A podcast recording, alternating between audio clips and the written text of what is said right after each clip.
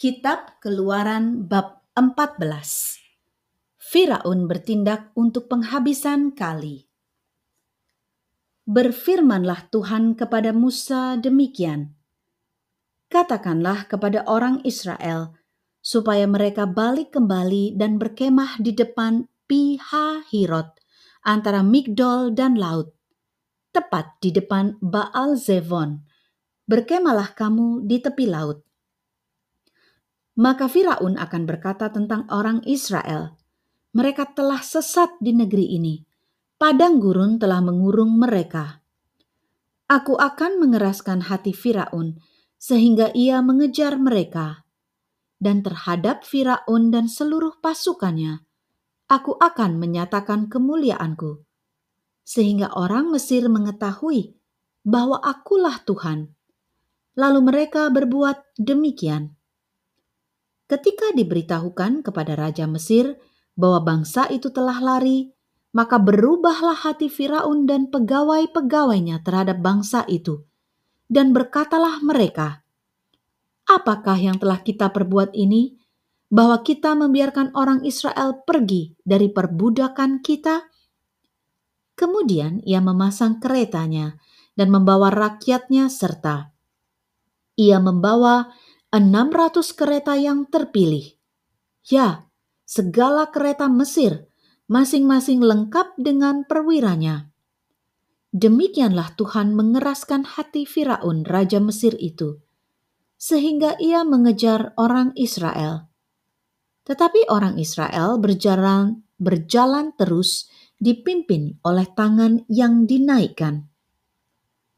Adapun orang Mesir, segala kuda dan kereta Firaun, orang-orang berkuda dan pasukannya, mengejar mereka dan mencapai mereka pada waktu mereka berkemah di tepi laut, dekat Pi Hahirot di depan Baal Zevon. Ketika Firaun telah dekat, orang Israel menoleh maka tampaklah orang Mesir bergerak menyusul mereka. Lalu sangat ketakutanlah orang Israel dan mereka berseru-seru kepada Tuhan. Dan mereka berkata kepada Musa, Apakah karena tidak ada kuburan di Mesir, maka engkau membawa kami untuk mati di padang gurun ini? Apakah yang kau perbuat ini terhadap kami dengan membawa kami keluar dari Mesir?' Bukankah ini telah kami katakan kepadamu di Mesir? Janganlah mengganggu kami, dan biarlah kami bekerja pada orang Mesir. Sebab lebih baik bagi kami untuk bekerja pada orang Mesir daripada mati di padang gurun ini.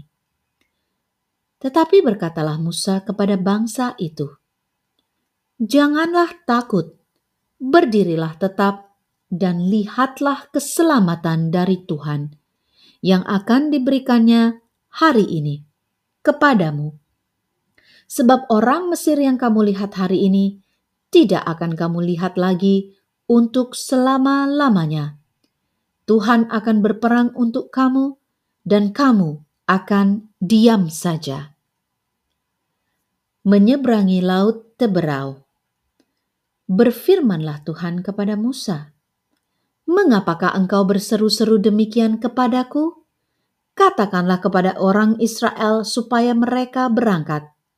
Dan engkau angkatlah tongkatmu dan ulurkanlah tanganmu ke atas laut dan belahlah airnya. Sehingga orang Israel akan berjalan dari tengah-tengah laut di tempat kering. Tetapi sungguh aku akan mengeraskan hati orang Mesir sehingga mereka menyusul orang Israel. Dan terhadap Firaun dan seluruh pasukannya, keretanya dan orangnya yang berkuda, aku akan menyatakan kemuliaanku.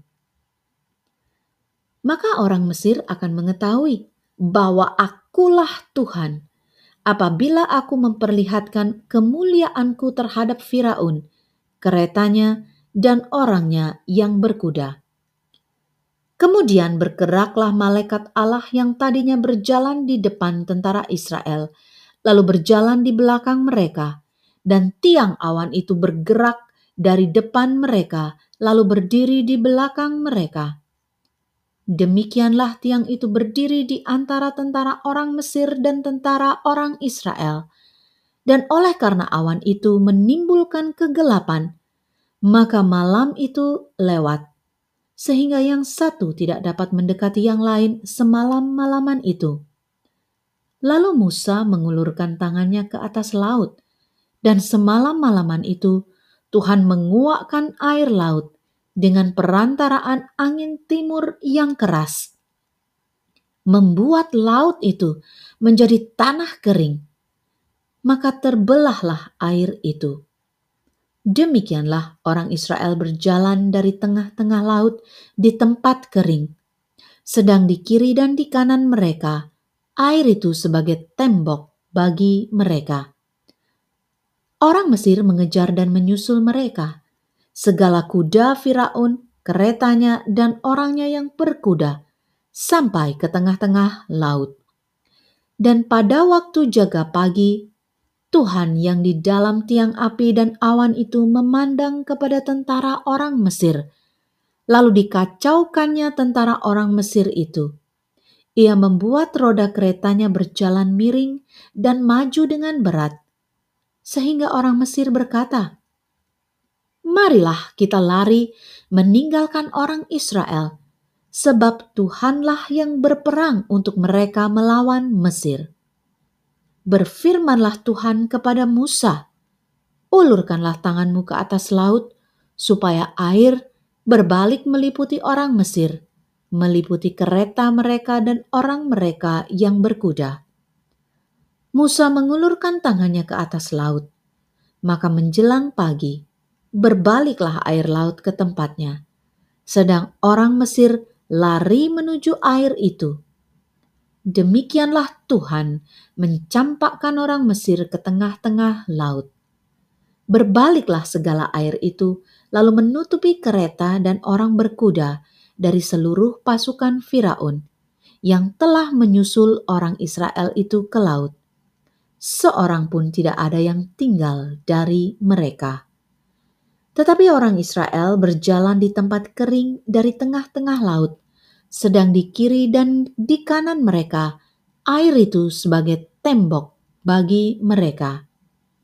Demikianlah pada hari itu Tuhan menyelamatkan orang Israel dari tangan orang Mesir. Dan orang Israel melihat orang Mesir mati terhantar di pantai laut. Ketika dilihat oleh orang Israel, betapa besarnya perbuatan yang dilakukan Tuhan terhadap orang Mesir, maka takutlah bangsa itu kepada Tuhan, dan mereka percaya kepada Tuhan dan kepada Musa, hambanya itu. Demikianlah sabda Tuhan. Syukur kepada Allah.